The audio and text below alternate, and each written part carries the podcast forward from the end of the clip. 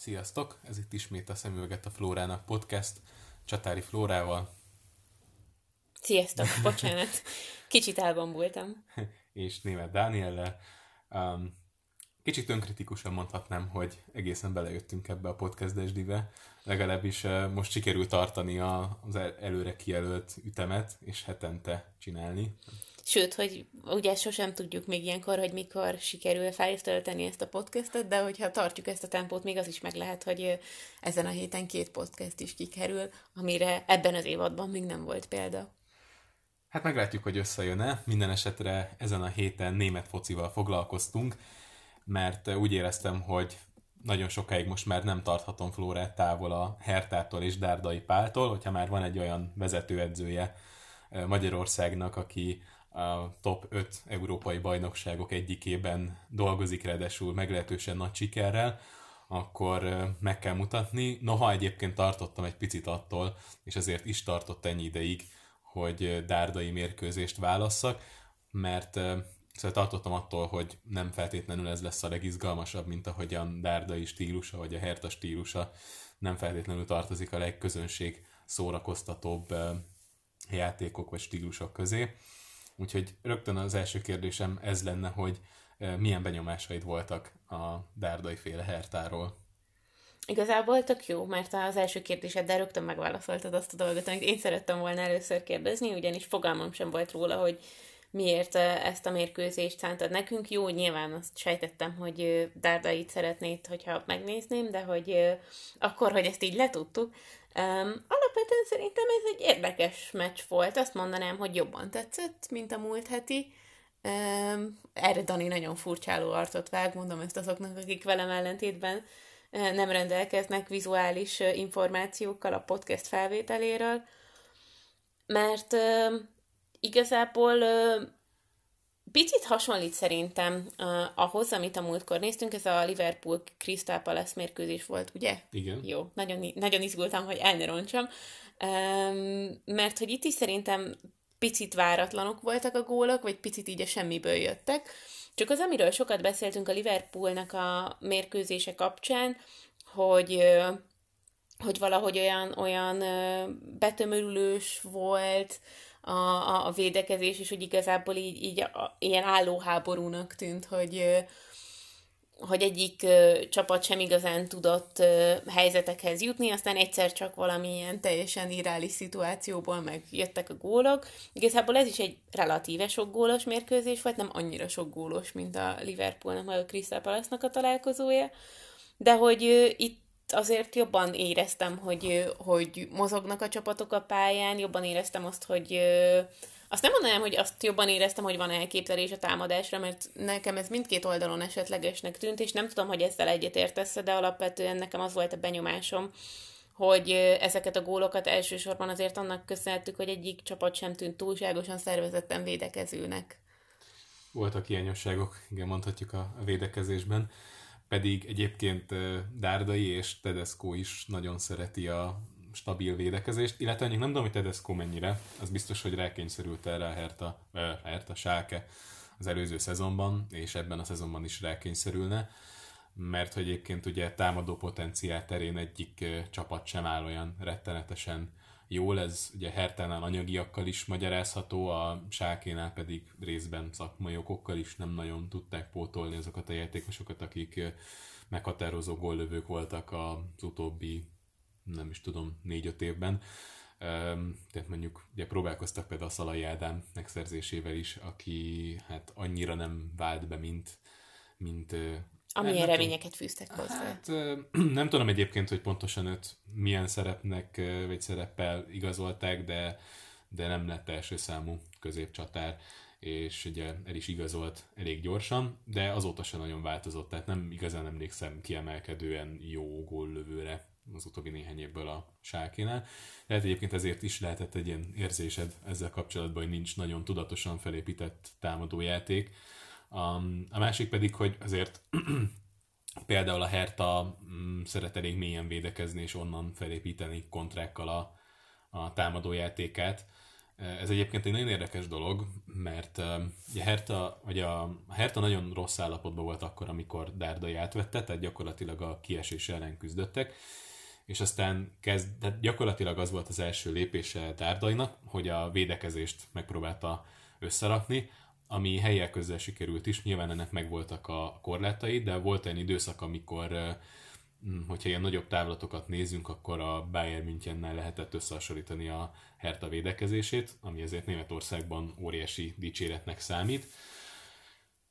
Viszont ugye Derdai az elején is panaszkodott arra, hogy alapvetően ő szeretne kontrázni ezekkel a játékosokkal, csak hát viszonylag lassú emberei vannak, és azzal úgy elég nehéz. Na és a, ami nagyon szépen végig követhető a Dárdai érában, az az, hogy minden évben szereztek egy-egy gyors játékost, vagy olyan játékost, aki passzolt Dárdai elképzeléséhez, Dárdai víziójához, és most is például ugye Szelki játéka nagyon szépen alátámasztotta azt, hogy mit is vár Dárdai egy, egy támadótól, és hogy a, a Hertának a támadójátéka az inkább erre épül, hogy a gyors játékosokat kihasználják, próbálnak kontrázni, adott esetben pontrugásokból veszélyeztetni, de a lehetőségeiből adódóan a Hertának nem nagyon van más lehetősége. Visszatérve arra, hogy egy kicsit ráncoltad azért a homlokodat arra, hogy nekem ez a mérkőzés jobban tetszett, mint a múlt heti, gondoltam megkérdezlek, hogy neked melyik tetszett jobban, és miért ráncoltad a homlokodat arra, hogy nekem melyik tetszett jobban. Mm, érdekes ez. Um, persze nyilván az a, a Liverpool Crystal Palace kapcsán is igaz volt, hogy kicsit úgy semmiből jöttek a gólok, ugyanakkor az, az valahogy nem tudom, fordulatokat tekintve is nálam előrébb volt, vagy kevésbé untam bizonyos részeit, mint ez. Ennek a találkozónak azért voltak olyan szakaszai, ahol úgy én is elég nehezen találtam a fogockodót, hogy most miért is kell nekem ezt nézni. Jó, mondjuk azért Ez, azt már megállapítottuk a múlt héten is, hogy igazából szerintem a teljes podcastes karrierünk során egyetlen egy mérkőzés volt, amire azt mondtam, hogy nem unatkoztam rajta egy percet se. Igen. Igen, azt hiszem, hogy ez, ez megállja helyét. ez nagyon szomorú egyébként, de, de megállja helyét ez a kijelentés.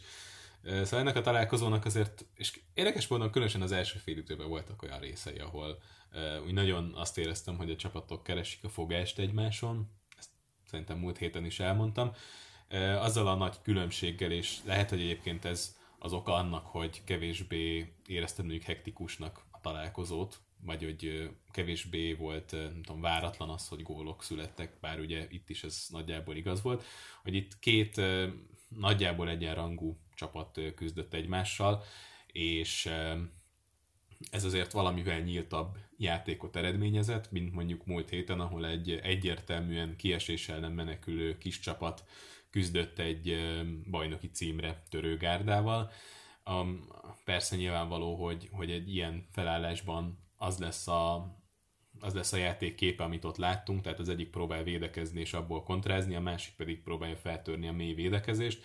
Itt azért erről nem volt szó, és hát azt is láttuk, hogy például szélen elég sebezhető volt mind a két csapat. Gondolok itt inkább elsősorban a Hertára, szerintem a védők sem annyira érezték ezt a három védős játékrendszert. Őszintén szóval nem tudom, hogy, hogy Dárdai mennyit játszotta ezt, mert a, a korábbi években inkább a négyvédős játékrendszert vette elő, de nem volt olyan, ne, nem éreztem igazából azt, hogy ez természetesen működne ebben a közegben is, és hogy jól éreznék magukat a játékosok, tehát a helyezkedésből um, ítélve ez eléggé rendszer idegennek tűnt, vagy nem is tudom, a játékosok számára legalábbis idegennek tűnt ez az elképzelés. Beszéltél arról, hogy ez a két csapat azért ugye jóval közelebb van egymáshoz, mint a Liverpool meg a Crystal Palace, akiket a múltkor néztünk. Ennek kapcsán azt akartam megkérdezni, mert hogy nem túl sokat néz, tudok a Bundesligáról. Ez nyilván a te hibád, hiszen nem túl sok Bundesligát néztünk eddig. Én sem sokat nézek, ez legyen. De hogy egy, egy picit uh, tudsz nekem beszélni arról, hogy most hogy állnak ezek a csapatok egyébként a bajnokságban, meg hogy, meg hogy alapvetően milyen a viszonyuk, mert hogy mondjuk a, a hogy mondjam, a hangulatból kiindulva nem tudtam megítélni, hogy egyébként ez a két csapat mondjuk mekkora ellenfélnek számít. Um, kezdeném a második felével a kérdésednek. Um, nagyon érdekes, hogy a Hertának nincs igazából úgymond természetes ellensége a Bundesligában, tehát nem nagyon lehetne egy olyan rangadót mondani, mint mondjuk a, nem tudom, Dortmund Schalke, vagy akár a, mit tudom én, a Bayern, Dortmund, tehát nincsenek ilyen nagy rivalizálások a, a Hertával kapcsolatban, élvon a beri szinten. De hogyha mondani kellene egyet, jelzem, hogy nagyon keveset tudok így a Bundesliga történetéről, tehát én ezt ennek így mostanában olvastam utána. Szóval, hogy a, ha mondani kellene egy, egy riválist a Hertának, akkor ez pont a Schalke lenne, csak hogy az a helyzet, hogy ezzel a rivalizálással mondjuk a berlini szurkolók törődnek bizonyos szinten, viszont a Schalke rajongókat nem annyira mozgatja meg ez a fajta rivalizálás, tehát ez így nem nevezhető igazából, igazából rivalizálásnak, vagy ez nem az. Tehát, hogy ez mondjuk a hangulatra például hatással van, nem érzed azt, hogy a, a szurkolók mondjuk mindent be, beleadva buzdít, buzdítják a csapatot, hogy semmisítsék meg az ellenfelet. Egyébként ezt az is nehezíti, hogy a, a Hertának a stadionja óriási, ha jól tudom, akkor egy 80 ezres arénáról van szó, amit egyrészt ritkán töltenek meg, hogyha meg is töltenek, akkor annak jelentős része vendégszurkoló, és ugye nagyon távol vannak a szurkolók magától a pályától, ugye van benne egy, egy futókör, mint hogy alapvetően ez egy olimpiai stadion volt, és ez nem segíti a szurkolást, nem segíti a hangulatot. A Schalke egyébként nem futsz különösebben jó szezont. A tavalyi szezonban ugye a második helyen zárt, de az inkább volt köszönhető annak, hogy a Bayern mögött nem igazán volt nagy verseny, illetve akik mondjuk elméletek kihívói lehettek volna a Bayernnek, ők gyengén teljesítettek, és ezért is keveredhetett oda a Schalke egy elég, mm, nem azt mondom, hogy minimalista játékkal, de inkább a védekezésben mutatott erényeket a csapat, és nem annyira a támadójáték terén. És idén a védekezés annyira nem működik, és a támadójáték pedig nem javult ehhez eh, mérten azért ez a 12. hely, ahol most állnak, az még realitásnak is nevezhető. Eh, míg a, a Herta az hasonlóan tulajdonképpen a tavalyi évet leszámítva a Dárdaiéra összes szezonjára erőn felül teljesít, és ott van a európai kupahelyek valamelyikért, és egyébként a tavalyi viszonylagosan gyengébb szezonra is az lehet a magyarázat, hogy a Herta nemzetközi porondban eh, részt vett, tehát kettős terhelés alatt állt az első felében, ami nyilvánvalóan nem működött, hiszen a mélységet tekintetében a Hertha az sehol nem áll a többi csapathoz képest. Tehát, hogy ez, ez magyarázza most per pillanat azt, hogy miten nincs európai kupa szereplés a Hertának, hogy megint ott van a hatodik, hetedik hely környékén, és adott esetben még tehát mondjuk egy egy egyenes úton felkerülhetne főtáblára az Európa Ligába, tehát az ötödik hely sincs nagyon messze, perpet a hetedik, tehát ott egy, egy mérkőzés választja el a Hertát. A BL azért már távolabb van, meg azt gondolom, hogy ez nem is a Herta szintje, de valószínűleg egyébként az Európa Liga sem az. A Schalke egy picit azért csalódás ez a szereplés, meg Tedesco-tól is, akit egy nagyon magas polcra helyeztek az előző szezonja alapján, és az első szezonja alapján egy nagyon fiatal vezetőedzőről van szó, és sokra is tartják, joggal egyébként, tényleg nagy jövő előtt áll, de ezért ennél picit jobb szereplést vártak tőle. De akkor alapvetően most a, az, hogy döntetlen lett ez a mérkőzés, az, az meglepő, és mondjuk alapvetően a, a, a Hertának, ez, vagy a Hertától várhatóakhoz képest, idén várhatóakhoz képest egy rosszabb teljesítmény, vagy a sákétel egy jobb teljesítmény, vagy alapvetően mondjuk az, hogy a, a hetedik meg tizenkettedik helyzetet mondtál, között azért nincsen akkor a különbség, hogy...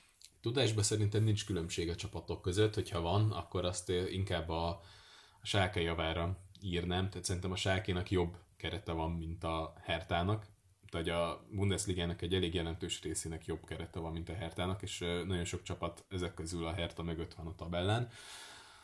És akkor itt ugye picit lehet, hogy igazságtalan voltam a Sákéval szemben, hiszen a Sáke is BL-ben szerepel ebben az évben, ráadásul ott lesz az egyenes kieséses szakaszban is. A nyolcad döntőben majd a Manchester City-vel fognak játszani, tehát ez a kettős terhelés ez valószínűleg a Schalke idei szezonját is meghatározza, hiszen ugyan nem rosszak, mm, de de azért valószínűleg nem annyira jók, hogy egy kettős terhelést elbírjanak, ráadásul a BL elég komoly energiát el tud venni a, a csapatoktól. Sérülésekkel sem volt nagy szerencséje ebben az évben a sákének, úgyhogy azt gondolom, hogy a döntetlen az igazából egyik félnek sem rossz eredmény, és közben mindegyik félnek rossz, hiszen azt láttuk a találkozón is, hogy Dárdai is és Tedesco is nyerni akart. Hát jó, mondjuk azért ez gyakran megesik szerintem futballmérkőzések előtt. Jó, de érted mondjuk, hogyha persze. teszem a Bayern München lett nem, volna. Nem, nem gúnyolom ki a szakértelmedet, távol álljék tőlem.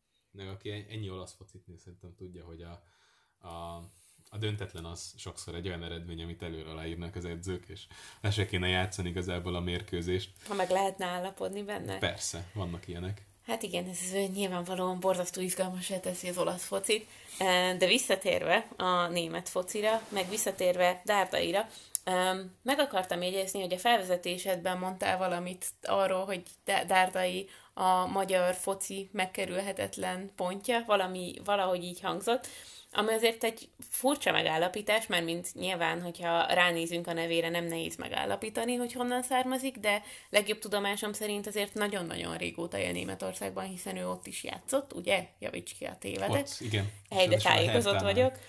És, és ugye jó ideje ott is edzősködik, és nyilvánvalóan szerintem mondjuk a, hozzám hasonlóan focival keveset foglalkozó nagy közönség számára Dárdai akkor vált névvé, vagy ismert névvé, amikor ugye átvette a magyar válogatott irányítását, és hihetetlen meglepő sikereket aratott nagyon rövid idő alatt. Üm, szóval, hogy hogy is van ő? Szerinted mennyiben tekinthető magyarnak abban, abban az értelemben, hogy, vagy azon az értelmen túl, hogy nyilván azt értjük, hogy magyar származású, de hogy, hogy mi az ő köze a magyar focihoz, és főleg mondjuk, jó, először tiszteltük, hogy mi az ő köze a magyar focihoz, aztán majd még a másik húsz kérdésemet felteszem, hogy ne egyszerre kelljen a félvilágot elmesélned. Jó. Futballkulturálisan biztosan nem az. Egyrészt nagyon sok időt töltött Németországban, tehát az a, az a mentalitás, az ráragadt, ami a német futballból származik. A másik, hogy, hogy az edzői vonala sem valószínű, hogy sok magyar, nem tudom, edzőképzésből származó tudást takar, bár úgy tudom, hogy elvégezte itthon az edzőképzést, tehát van neki MLS-es licensze is, és, és valamennyit azért tanult Magyarországon, de hát a, a tudás, vagy a, amit, amit magára szedett, az sokkal inkább származik a, Németországban nem tudom, lejátszott mérkőzésekből, illetve az azóta ott a, egyrészt az utánpótlásban, másrészt a, az, él, tehát a, igen, a, az első csapatnál eltöltött időszakból. Um, úgyhogy nyilván azt nem mondhatjuk, hogy Dárdai a magyar rendszernek a büszkesége, mert hogy ez óriási túlzás lenne. Ugyanakkor... Közben azért, bocsánat, hogy így a szabadba vágok, de hogy Dárdai ban, mint jelenségben abszolút van egy ilyen, ilyen érzés, tehát hogy picit azt, azt érzem vele kapcsolatban, amit szerintem már Kassai kapcsán is feszegettünk, hogy mivel magyar névvel Magyarországról származva teljesen mindegy, hogy mennyiben gyökerezik valakinek a focis karrierje a magyar foci kultúrában. Ugye annyira kevesen jutnak el így nemzetközi szinten a foci csúcsára, vagy legalábbis a, a focinak a, az elitjébe, hogy például még egy bíróból is tényező tud lenni, mert hogy ezt valahogy kevéssé hiszem, hogy, hogy Kassain kívül létezik még olyan játékvezető, aki, akinek a, a neve ilyen cikk címértékű mondjuk. Uh, igen, el is akartam kanyarodni egyébként, hogy, hogy Dárdaiban egy nagyon fontos elem, hogy miközben ő alapvetően inkább tartozik kulturálisan a német labdarúgáshoz, közben nagyon kevesen értik meg annyira a magyar focit, mint amennyire ő megérti. Tehát ő azért mégiscsak a magyar közegből származott, és többek között ugye válogatott kapcsán is volt egy nagyon fontos megjegyzése, amikor, amikor azt mondta, hogy tévedés, az, hogy a magyar játékosok nem küzdenek eléggé a címeres mezért.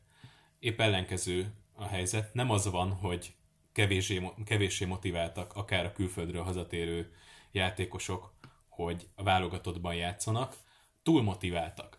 És hogy a, ez abból fakad, hogy sokszor irreális elvárások vannak a, a válogatott iránt, és egyszerűen érzik a játékosok is, hogy borzasztó fontos az, hogy jól szerepeljenek. Mert láttuk, hogy mi történt az Európa-bajnokságon is, gyakorlatilag az, hogy kijutottunk és ott mérkőzést tudtunk nyerni, az már egy népünnepét hozott magával, és közben ez az elvárás, hogy a, a magyar válogatott mindig ott legyen a nemzetközi porondokon, vagy nemzetközi porondon, mm, Európa-bajnokságon, világbajnokságon, és ott esetleg még jól is szerepeljen. Sokszor ez az elvárás, és úgy, hogy ugye a tudáshoz meg nem volt köze, mert hogy a válogatott azért jó néhány időszakban, vagy mondjuk az utóbbi 20 év vagy 30 év története során nagyon sokszor nem is volt olyan állapotban, hogy reálisan oda kerülhessen.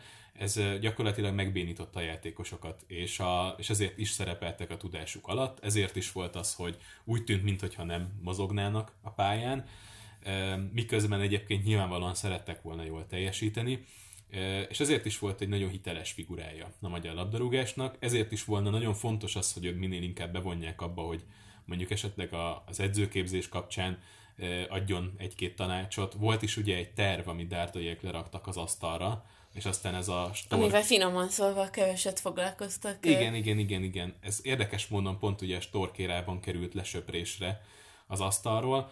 Állítólag egyébként most megint lesz egy olyan terv, amit, amiben a, aminek a megalkotásában Dárda is részt fog venni.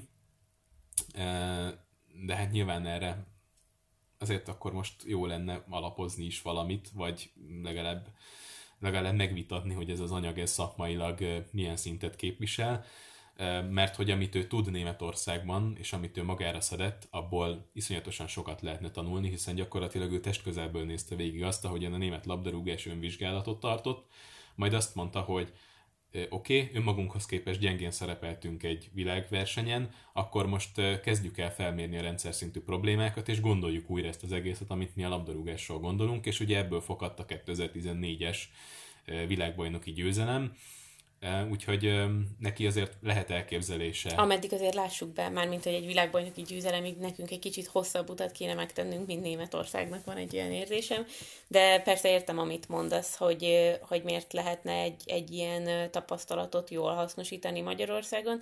Ugyanakkor pont a magyar foci, magyar focisága miatt, vagy a, a mi e, magyar foci percepciónk miatt azért felmerül bennem az a kérdés, hogy megéri-e Dárdainak visszajönnie, vagy hogy, hogy mert hogy eleven nehéz, ugye azért mondta le a kapitányságot is, hiszen nem lehetett összeegyeztetni a, a klub csapatának az elképzeléseivel, és hogy azt szerintem világos, hogy miért vonzóbb neki egy ilyen karrier, mint mondjuk az, hogy a magyar válogatott élén szerepeljen és hogy ráadásul ehhez hozzájön az is, hogy úgy látszik, hogyha ő effektíven nincs itt, és nem hajtja végre azt, amilyen elképzelései vannak mondjuk, akkor finoman szólva is leszarják őt. És így ezért ilyen mondjuk azt ellenszélben dolgozni, szerinted van az a, az a türelem, vagy van benne, nem tudom, egyfajta ilyen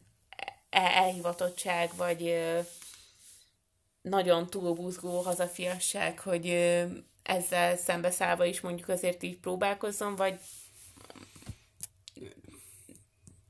igen, nem, nem tudom befejezni ezt a kérdést. Értem, hogy értem, azért, értem azért a kérdést.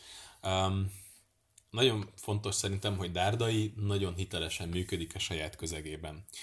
Ezért is leszek nagyon kíváncsi arra, hogyha mondjuk eljön a lehetőség az, már pedig nagyon jó munkát végez a Hertánál, hogyha jön az a lehetőség, hogy ő mondjuk válthat egy nagyobb klubhoz, hogy akkor hogyan dönt, mert jellemző rá, hogy neki volt egy nagy lehetősége, még a Hertha játékosaként, hogy a Bayern Münchenhez igazoljon, ahol nyilvánvalóan nem lett volna alapember, vagy legalábbis nehezebb dolga lett volna alapemberré válnia, de azért ez mégiscsak egy óriási lehetőség lett volna, és, és nagyon kevesen mondanak ilyen helyzetben nemet, ő nemet mondott. És nagyon, nagyon hitelesen működött a, a, a Herta közegében. Um, egyrészt szerették a szurkolók, ő is szerette Berlint, és nem voltak nagyobb ambíciói ennél. Na most, a, ha, ha edzőként most lehetősége lenne arra mondjuk, hogy egy top csapatot irányítson, az szerintem más helyzet, mert ugye ezért játékosként ő tisztában volt a, a saját korlátaival, tudta azt, hogy a Bayernnél ő nem olyan játékos lesz, mint a Hertennel, nem lesz annyira nem lesz annyira kulcsfontosságú elem, viszont edzőként meg mégiscsak ő irányíthat mondjuk egy, egy egész keretet, és neki ott sokkal kevésbé limitáltak a képességei, mint mondjuk voltak játékosként tehát nagyon, nagyon kíváncsi leszek, hogy, hogy más közegen kívül is működni fog ez, mert, mert az, hogy Hertánál ugye ott a szurkolók is szeretik, a vezetőség is mellette áll, tehát hogy minden adott ahhoz, hogy sikeres legyen. Ezt csak azért mondom, mert, mert ő a magyar válogatottnál is nagyon hitelesen működött, és ez egy nagyon nagy változás volt a korábbi szövetségi kapitányokhoz képest, hogy idejött egy ember, aki egyrészt elkezdett beszélni dolgokról, elkezdett arról beszélni például, hogy a következő három mérkőzésen nekünk 7 pontot kell szereznünk, és láss csodát, 7 pontot szerzett a magyar válogatott. Majd a következő időszakban azt mondta, hogy ezen a meccsen döntetlen fogunk játszani, ezt pedig megnyerjük, ezen fog múlni a továbbjutásunk, és lássanak csodát, így történt. Szóval, hogy... Ilyesfajta jós tehetség, és itt most idézőjelet használok erősen, azért tényleg a magyar fociban ilyen értelmezhetetlen csodás képességnek számít. Így van. Tehát, hogy én el, tudom képzelni azt, hogy Dárdai um, akkor is jól működik a magyar közegben, hogyha a magyar közeg nem működik jól. Um, Ez egy milyen szép mondat. Megtaláltuk a címünket. Hát jó, oké. Okay. Nem gondolkoztam ezen a mondaton, ezt most csak így hirtelen, de örülök, hogyha sikerült a címet adnom. Um, és, uh, és szerintem egyébként az, hogy klubedzőként milyen karriert fog befutni, az, az erősen meghatározza majd azt, hogy ő mikor tér vissza, mert abban egyébként biztos vagyok, hogy vissza fog térni, és abban, hogy milyen kedvel tér vissza a magyar válogatotthoz, abban pedig nagy szerepe lesz annak, hogy mennyire vehet részt esetlegesen bizonyos szakmai programok kialakításában, hogy komolyan veszik-e, vagy ugyanúgy lesöprik az ötleteit az asztaláról, mondván mondjuk azt, hogy nincs szükségünk nekünk külföldről érkező véleményekre. Idegen szívűek, idegen ötletek. Igen, most csak azért is mondom, mert például most a kézilabda kapcsán aktuális is volt, hogy a Mocsai Lajosnak volt egy ilyen megjegyzése, hogy hogy nem kell feltétlenül másolni a külföldi példákat, hiszen... Eh, Főleg akkor nem, ha az működik is. Hát nyilvánvalóan így van. És hogy ugye nyilván előtérbe helyezte a saját szakmai programját. Az a helyzet, hogy ez a magyar sportra, vagy bizonyos eh, részeire a magyar sportnak ez nagyon jellemző, és eh, kicsit tartok attól, hogy most is lesz egy ilyen megjegyzés, vagy egy lesz egy ilyen vonal dárdai ötletei kapcsán, hogy nekünk igazából nincsen szükségünk erre, hiszen nekünk vannak jó megyei edzőink, akik ugyanúgy le tudják ezt oktatni, tehát mint ahogyan Csertő Jóréelnek volt ez a klasszikus nyilatkozata, hogy senki ne gondolja azt, hogy ők nem tudnának edzést vezényelni a Barcelonának. Na, ilyet sosem fogsz hallani Dárdaitól.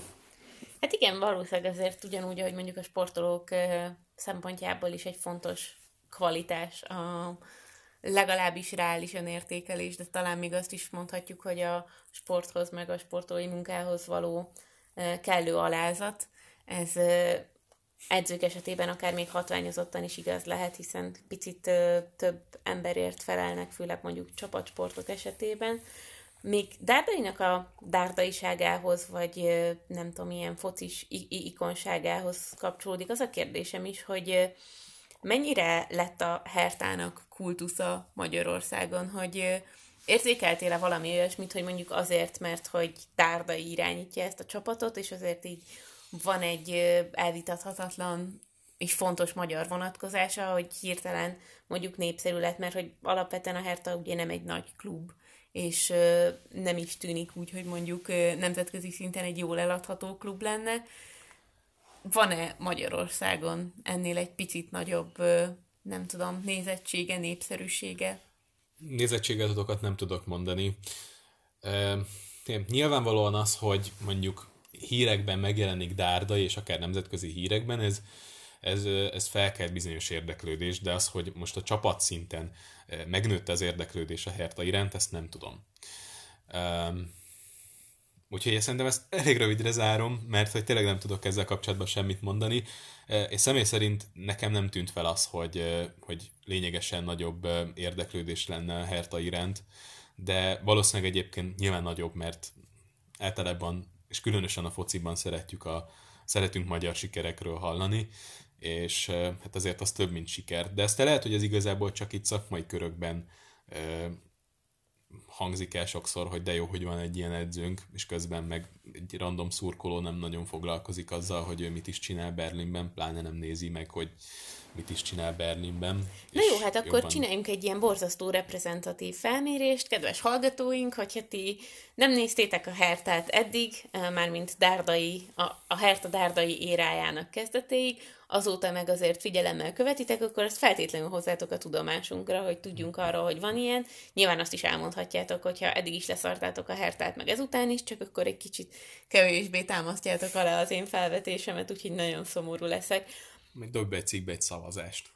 Jó, bedobok a cikkbe egy szavazást, mert hogy uh, itt szeretném felhívni a figyelmeteket arra, hogy nem csak a felvétel alatt beszélünk borzasztó fontos dolgokat, de általában uh, én vagyok az, aki a cikkekhez, vagy a podcastekhez egy felvezető cikket is ír, és uh, néha abban még olyan dolgok is kiderülnek, amik esetleg a beszélgetés közben nem jutottak eszünkbe, úgyhogy ne felejtsétek el időnként csekkolni a podcastet a hosszabbítás.hu-n, és itt tenném még hozzá, hogyha már egy blogban letudhatjuk az összes önpromót, hogy van egy Facebook oldalunk is, ahol tökre örülünk neki, hogyha követtek minket, mert megpróbálunk oda egyéb a podcasthez nem feltétlenül szorosan tartozó focis tartalmainkat is megosztani. Ezt most nem biztos, hogy jól sikerült egyeztetnem ezt a mondatot, de nézzétek el nekem, mert abba hagytam a reklámblokkot.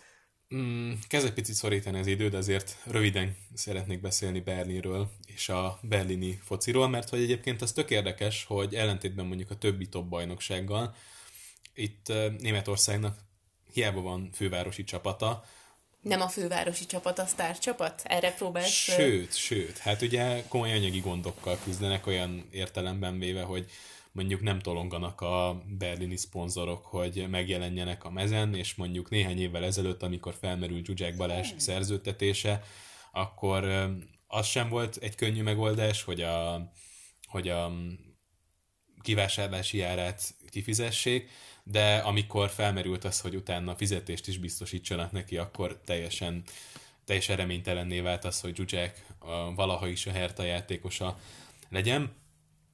Um, ő egyébként talán még pár is lehet mondani, hogyha top 5 Európa, európai bajnokságot nézünk, ahol a PSG-nek is elég sokáig hányatatott volt a sorsa, és... Aztán megérkezett a igen. végtelen sok pénz, és hirtelen, meg, meg, hirtelen megoldottak ezek a fajta problémák. Kellett egy ilyen cheat code anyagi értelemben ahhoz, hogy a PSG az nemzetközi szinten is láthatóvá váljon újra. Nyilvánvalóan nem kell hangsúlyoznom senkinek, aki követ már minket egy ideje, hogy semmiféle ilyen foci történeti tudásom sincs, de mondjuk azért általános történelem tudásból levezetve nem tűnik ez annyira meglepőnek, tekintve, hogy kevés olyan terhelt történetű főváros van még Európán belül, mint amilyen Berlin. Gondolva itt arra, hogy mondjuk önmagában ugye Németországnak a, a második világháború utáni megosztottsága és, és a Németország területi megosztottságának a Berlin nem belül való leképződése, hogy még valami értelme is legyen ennek a mondatnak, feltételezem, hogy hatott arra, hogy nem Berlin a német foci központja. E, igen, ezt e, tökéletesen összefoglaltad. Ez az, bár csak ilyen könnyű lenne lottózni is.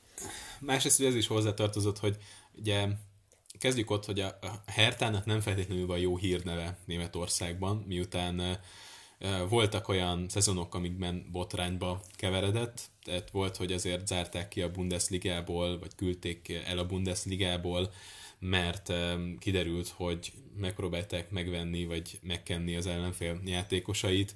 Ez mondjuk um, tényleg ritkán tesz szimpatikus egy a 60-as években lévő történet, tehát hogy nem teljesen új, vagy nem, nem igazán friss a dolog.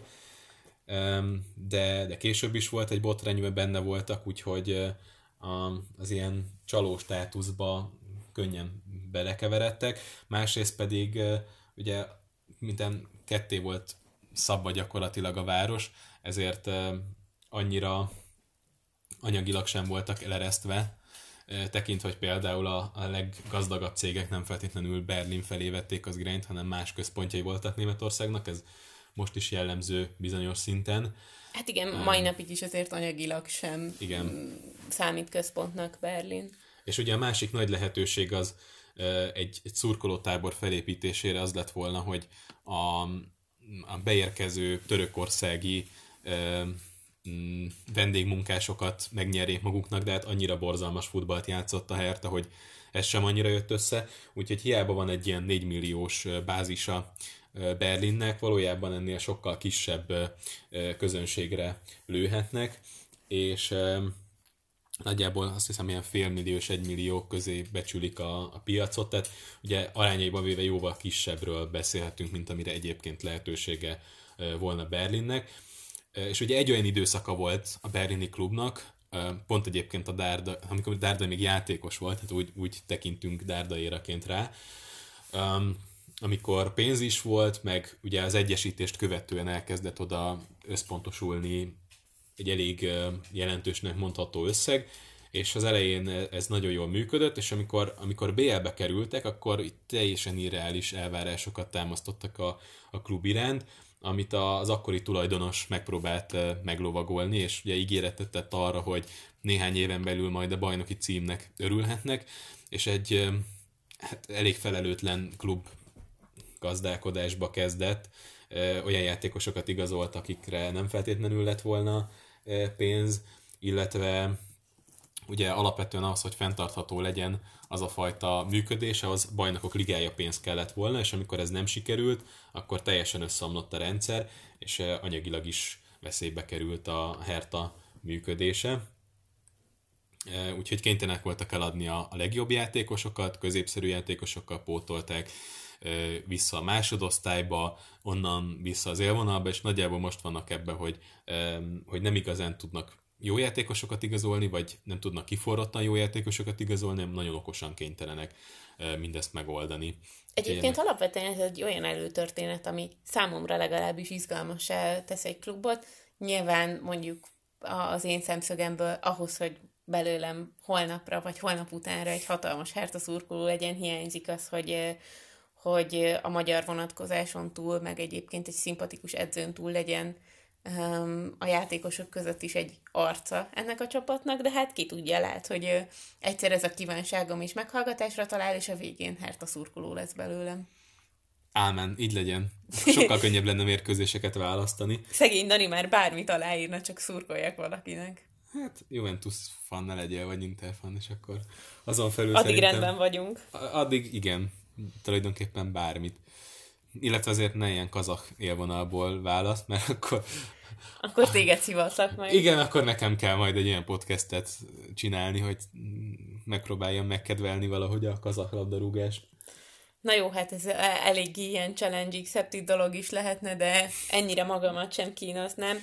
Még egy csomó mindenről lehetne ezen mérkőzés kapcsán beszélni, meg volt is néhány kérdésem, ami alapvetően a meccsnézése közben merült fel, de inkább ilyen általános dolgokra vonatkozik. A les szabálynak a filozófiájáról is szeretném, hogyha egyszer beszélgetnénk, vagy boncolgatnánk egy kicsit, mert hogy alapvetően tudom, hogy mit jelent a les, viszont annak ellenére, hogy már az első évadban is neki futottunk annak, hogy mi értelme van a lesnek, még mindig nem egészen vagyok bizonyos abban, hogy értem a les szabálynak a célját, meg azzal kapcsolatban is felmerültek bennem kérdések, hogy a bírók hogyan állapítják meg azt, hogy mennyi hosszabbítást csapnak hozzá egy-egy félidőhöz, viszont mivel már lassan 40 perce beszélgetünk, és úgy tudom, hogy hoztál híreket is, amikről szeretnéd, hogy beszéljünk, Legalábbis témát, nem, nem ígérem, hogy Jó. ez teljesen Szóval, hogy a, a meccstől függetlenül is van még miről beszélnünk.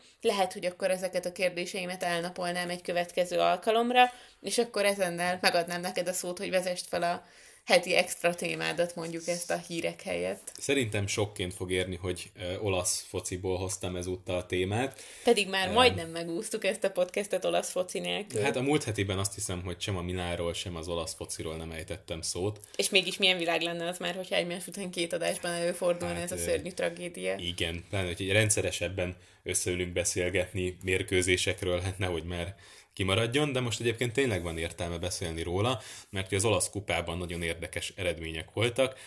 Kezdve például azzal, hogy 2014 óta először a Juventus elveszített egy pár harcot az olasz kupában. Ezúttal az Atalanta győzött a Juve ellen 3-0-ra, egy elég sima mérkőzésen. Úgyhogy, ha jól láttam a statisztikát, akkor az első félidőben a Juventusnak még csak kapura lövési kísérletesen volt, ami szerintem nagyon-nagyon régóta nem történt meg a, a Juvéval. A Ronaldo érában pedig ez majd, hogy nem elképzelhetetlennek tűnt, hogy akár egy félidőt is lehoz így a Juve.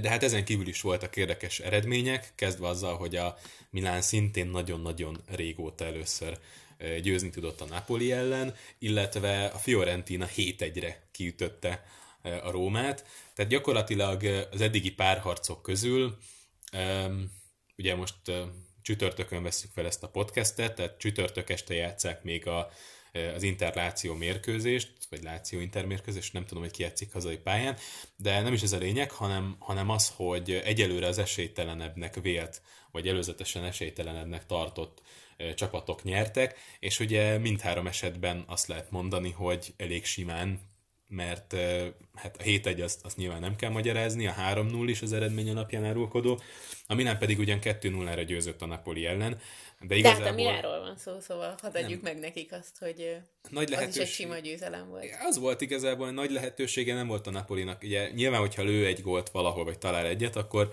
onnantól kezdve szorosabb a, a mérkőzés, és ez a játék képére is hatással lett volna. Így viszont nem nagyon volt kérdéses a, a Milán győzelme.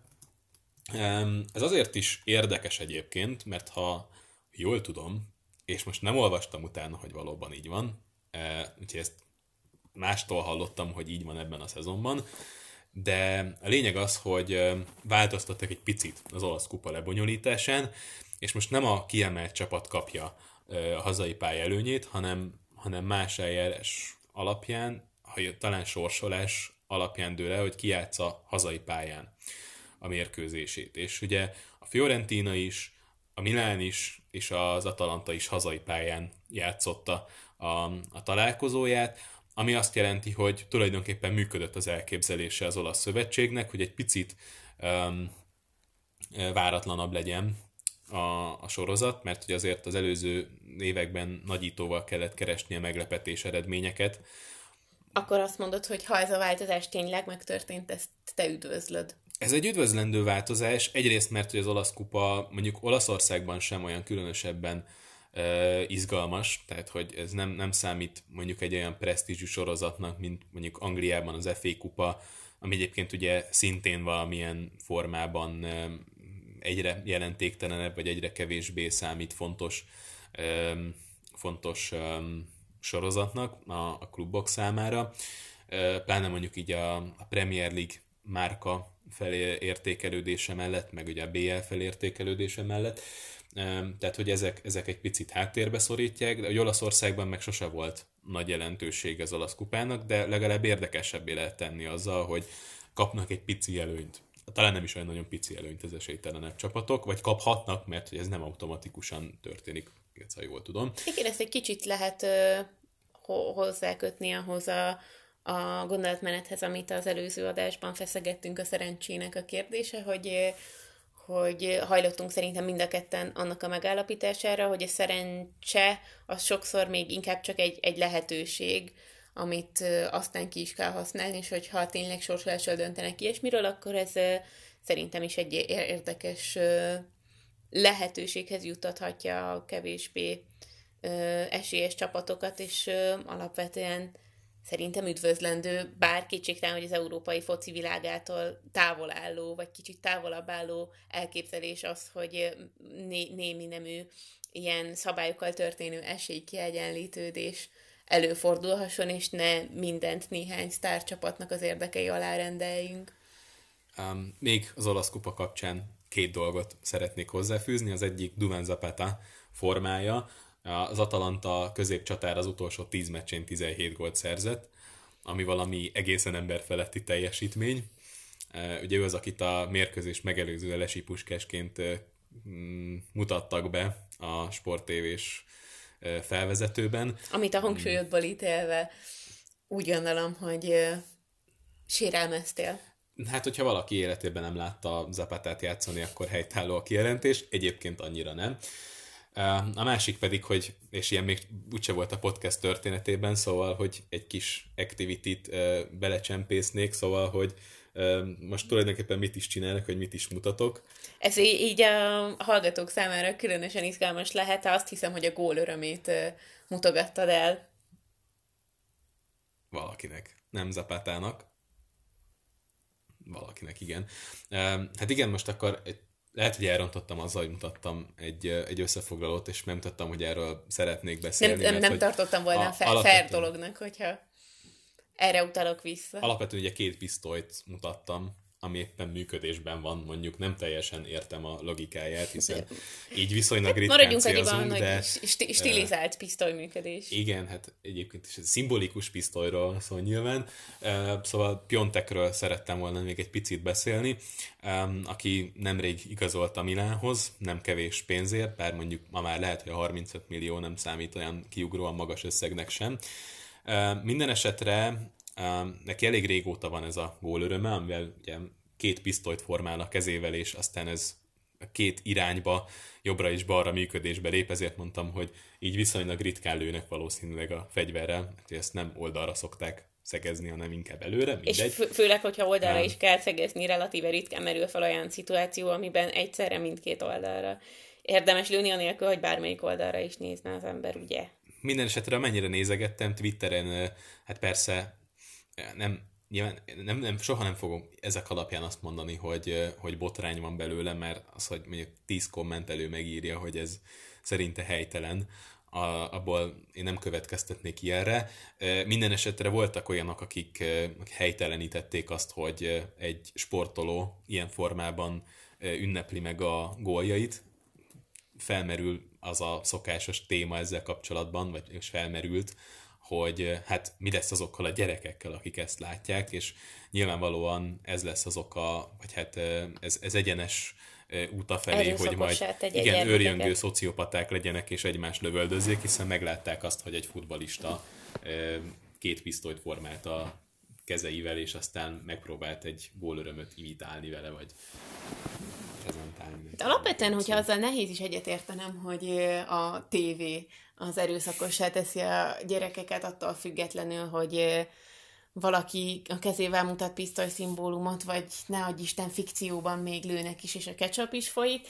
Azért aki annyira nem járatos ebben a témában, szerintem Dani, te is elvégezted azt a médiajogórát, amit nekem is el kellett egyszer végeznem, ahol azért szembe jöttek velünk olyan tanulmányok, amik foglalkoztak azzal, hogy mennyire tudja a tévé erőszakossá tenni a gyermekeket, és hogy, hogy nem arra jutottak, hogy kevésé, szóval, hogy mindenféleképpen egy kicsit indokolatlan ez a fajta pánik.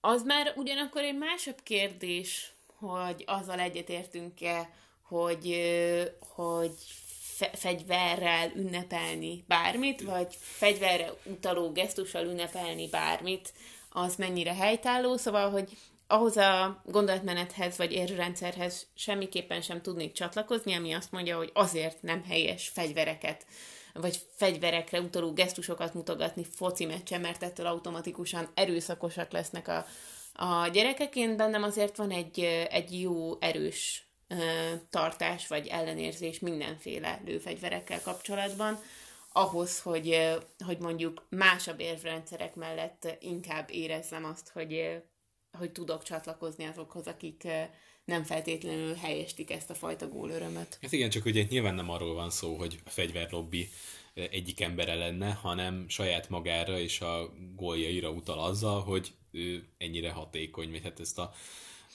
Bár ugye felmerül a kérdés, amit már azért feszegettünk a téma felvezetésében, hogy két irányba úgy lőni, hogy oda se néz az ember. Persze, nyilván meg azt is értem, hogy, hogy alapvetően nem olyan messzi, nem tudom, gondolat, kapcsolat egy, egy góllövő igen. játékosnak egy lőfegyverhez hasonlítani a saját magát. Szóval mondom, nem ismerem ennek a kontextusát, és távol álljon tőlem, hogy én ezt elítéljem, csak azt mondom, hogy el tudok képzelni uh-huh. olyan, olyan érvrendszereket, a, amik számomra is működnének egy ilyen jellegű problémával kapcsolatban. Az speciál, hogy egy kezével pisztolyt formáló focista pályán uh, lévő jelenléte vagy gólöröme az erőszakosá tesz gyermekeket, ezzel én sem értek. Meglepő módon egyet. Egyébként nagyon röviden kitérnék még arra, hogy Raheem Sterlingnek volt tavaly egy olyan tetoválása, hogy egy gépfegyver volt a, a vádliára tetoválva, és akkor sokan követelték azt, vagy legalábbis voltak, akik azt követelték, hogy rakják ki a válogatottból, mert hogy ez teljesen méltatlan hozzá, és aztán utána sikerült kontextusba helyezni a dolgot, hogy ugye ez igazából egy arra emlékeztető szimbólum vagy jel, ami valószínűleg a játékosnak fontos volt. Az édesapját két éves korában ö, lelőtték, um, ami nyilvánvalóan azért egy traumatikus élmény, és hogy, hogy erre egy ilyen szimbólum, vagy jel, vagy emlékeztető, um, szóval, hogy ez, ez nem mindig Igen, az, nem árt látszik, tudni igen. a dolgoknak a kontextusát is, mielőtt összehívjuk a rögtönítélő bíróságot, főleg akkor, hogyha a rögtönítélő bíróság az mondjuk Twitteren, vagy Facebookon, vagy a social media más felületein ítél. Ö, hoztál-e még más témát, Nem. felhírt nekem? Akkor ö, én még arra gondoltam, hogy ö, tegyünk említést feltétlenül arról, hogy ö, ez mai csütörtöki hír, vagy legalábbis én ma találkoztam vele, hogy ö, megdőlt Európában a női klubcsapatok tekintetében egy nézőrekord, ugyanis szerdán az Atletik Bilbao és az Atletico Madrid női csapatainak találkozóján több mint 48 ezer néző volt kinn a helyszínen, ami szerintem üdvözlendő, és hogyha lehetne kérni ilyet, akkor nem tudom, tapsoljunk nekik egyet.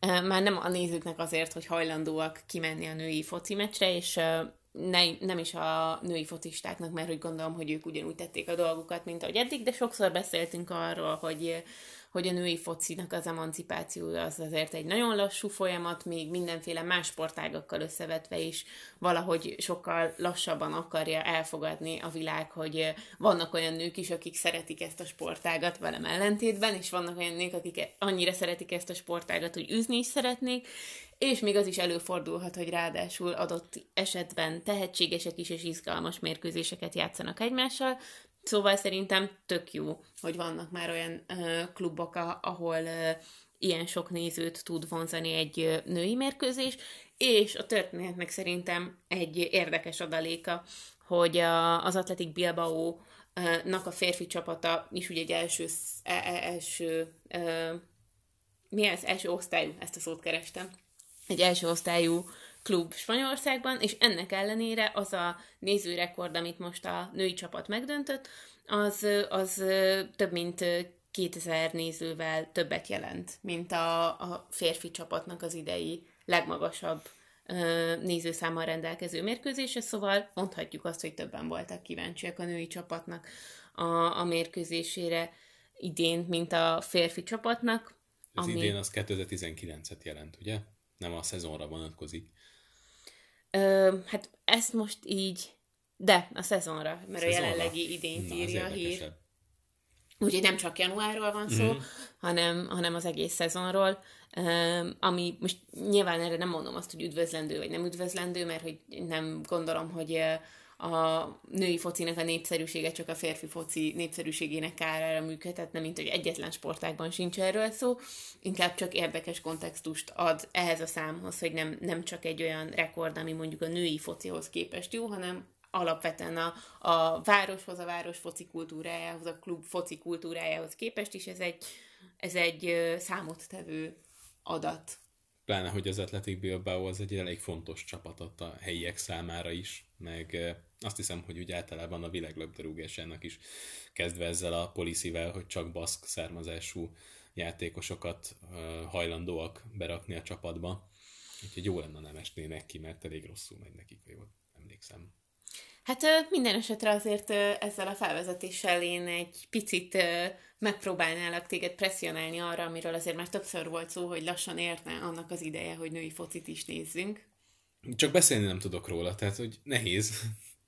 Na jó, ezt a problémát majd még áthidaljuk, és akkor a másik dolog, amit feltétlenül szerettem volna megemlíteni, az egy me- megint ilyen, ha akarjátok, tekinthetitek ilyen shameless önpromónak is, az az, hogy Daninak megjelent egy, egy cikke arról, hogy, és ezt a cikket egyébként megosztottuk a Fantasztikus Facebook oldalunkon, ahol érdemes minket követni, arról, hogy hogyan zajlanak a, a különböző átigazolási tárgyalások, ami szerintem egy tök érdekes világ. Én őszintén nem emlékeztem rá, hogy én erre már valamelyik podcastben rákérdeztem, de uh, amikor Dani elkészült az írással, akkor elküldte nekem ajánlva, hogy erről már akartam beszélni valamikor korábban, úgyhogy uh, arra gondoltam, hogy uh, mondd el azt, hogy mi, mi volt szerinted a leg, legmeglepőbb így az átigazolások kapcsán? Mert szerintem a, a, nyilván arra is kitér a cikk, hogy egyrészt ugye a, a, az online kommunikáció az jelenleg mennyire fontos szerepet játszik ebben, meg azt hiszem, hogy az sem lep meg senkit, hogy ma már gyakorlatilag nincsen olyan játékos, teljesen mindegy, hogy milyen szintről beszélünk, aki, aki helyett ne ügynök vagy ügynökök, meg menedzserek hada tárgyalna, de hogy azért ennél voltak egyel izgalmasabb ilyen insight, uh, insightok is a, a cikkben. Hogy téged mi lepett meg legjobban a, a, a foci szerződések tárgyalásáinak uh, kulisszatitkai közül? Meglepőnek egyébként nem mondanám egyiket sem. Egyrészt Jó, Dani már annyira furcsa... sokat látott, hogy... Nem, nem, nem. Igazából csak azért uh, éreztem fontosnak ezt az írást, mert uh, um, annyira természetesen beszélünk arról, hogy hát kell egy játékos, akkor oda megyünk, elhozzuk, ennyi. És ez mondjuk a FIFA-ban úgy is működik, hogy rákattintasz a játékosra, feljön az összeg, hogy mennyit kell fizetni, vársz egy három napot, miután beállítottad az összeget, és akkor a negyedik napon meg a te játékosod. És ez nyilvánvalóan nem így működik, hanem pontosan tisztába kell lenni szabályokkal, hogy ki, kihez mehetsz, kinél lehet puhatolózni, pontosan tudjuk, hogy közvetítőkön keresztül folyik ma már ez a folyamat, és a klubok is közvetítőket használnak, a játékosok is közvetítőket használnak, tehát sokkal több helyre folyik a pénz, sokkal drágább egy igazolás, mint amit mondjuk a végén kimutatnak, közben pedig ugye arra is figyelni kell, hogy mondjuk mind a kettő klub igyekszik a saját számára kedvezőbb módon feltüntetni egy átigazolási összeget, tehát az egyik azt fogja mondani, hogy ú, 130 milliót kaptunk a játékosért, Közben a másik azt mondja, hogy hát mi 80-at fizettünk érte, hogy lehet ez, hogy van ekkora különbség, hát úgy, hogy van mondjuk különböző bónuszokkal még 50 millió, tehát lehet 130 is, valószínűleg nem annyi lesz, mint ahogyan nem is 80 lesz, hanem a kettő között lesz az igazság, tehát mondjuk itt Kutinyót hozza ez a cikk példaként, hogy ott is van egy alapösszeg, ami 90 valahány millió, nem is ez a lényeg, hanem az, hogy ezen felül mondjuk van ilyen, hogyha Coutinho aranylabdás lesz, mint hogy ez nem annyira valószínű, akkor azért kellene még többet fizetnie majd a, a Barcelonának, um, amit egyébként valószínűleg akkor örömmel fizetnének ki, mert a marketing pénzekből az elég jó. Megtérülne. Így van, így van, eléggé megtérülőnek bizonyul. Um, és hát ezen kívül vannak ilyen nagyon furcsa kitételek is a szerződésekben, amiről még így érdemes lehet beszélni, mondjuk az, hogy kifizesse a főző tanfolyamot a feleségének a, a klub. Vagy hogy Neymarnak a barátait milyen időközönként szükséges Európába reptetni ahhoz, hogy ő jól érezze magát. Igen, ez, és ez sztárjátékosoknál azért elég gyakori, hogy vannak ilyen ilyen, nem tudom, luxus elemek a, a, a szerződésekben, hogy mondjuk mivel utazhatnak, hogy hogy milyen szállást kell nekik biztosítani, igen, az ismerősök, családtagok költöztetése, szállásolása, utaztatása, ezek ilyen elég gyakran benne vannak. Igen, bár valahol számomra ez még mindig annyira kicsinyes dolognak tűnik, amikor tényleg kisebb fejlődő országoknak a, az éves GDP-ének akár a sokszorosát is megkeresi egy-egy sztárjátékos, és annyira a fogához veri a garast, hogy még a családtagjainak, a, meg a barátainak a reptetését sem tudja önköltségen megoldani. Viszont ha már az ilyen, ilyen extra kitételeknél járunk, akkor volt a cikkben egy számomra nagyon kedves, és akkor ez a podcast sem múlhat el síugrás nélkül, hogy a Liverpool egy norvég játékosát eltiltotta a síeléstől, és magában szerintem az annyira nem lenne meglepő dolog, mert hogy a síelés az elég balesetveszélyes sportág. Mondjuk hozzá kell tenni, hogy Norvégiában azért a síelés az nem feltétlenül alpesi sít jelent, hanem jelenthet ugye sífutást is, ami egyel, egyel kevésbé életveszélyes mutatvány legjobb tudomásom szerint, de hogy alapvetően a, az indok mögött nem elsősorban az volt, hogy megszerették volna a testépségét óvni a játékosnak, hanem hogy attól tartottak, hogy egy, esetleg sportágat vált, és az édesapja hatására mondjuk siugrónak áll. Um, igen, elég extrém, hogy elég meredek gondolat az, hogy ez egyikből következik. De, de egyébként gyanítom, hogy azért neki volt valamiféle siugró múltja. Igen, igen, én is azt gondolom, hogy ez, hogy nem, ez nem, nem csak az édesapjának a hivatásából adódóan jött ez a félelem. Lehet, hogy ez a korábbi klubjának az egyik nem tudom, aggodalma volt, hogy esetleg majd elszakítja a tércalagját, és igazából itt csak a scouting stábot kell megdicsérni, hogy elvégezték a házi feladatot, és a, amikor elkészítettek a, mit tudom, egy SWOT analízist, akkor bekerült a veszélyek közé az, hogy hát igazából szeret síugrani is. Igen, ez valószínűleg egyébként relatíve kevés focistánál fordul elő. Na jó, nagyon sokat beszéltünk már, úgyhogy most muszáj lesz ilyen kurtán furcsán abba hagynunk a podcastet. Köszönjük, hogy megint velünk tartottatok. Jövünk egyszer legközelebb is. Sziasztok! Sziasztok!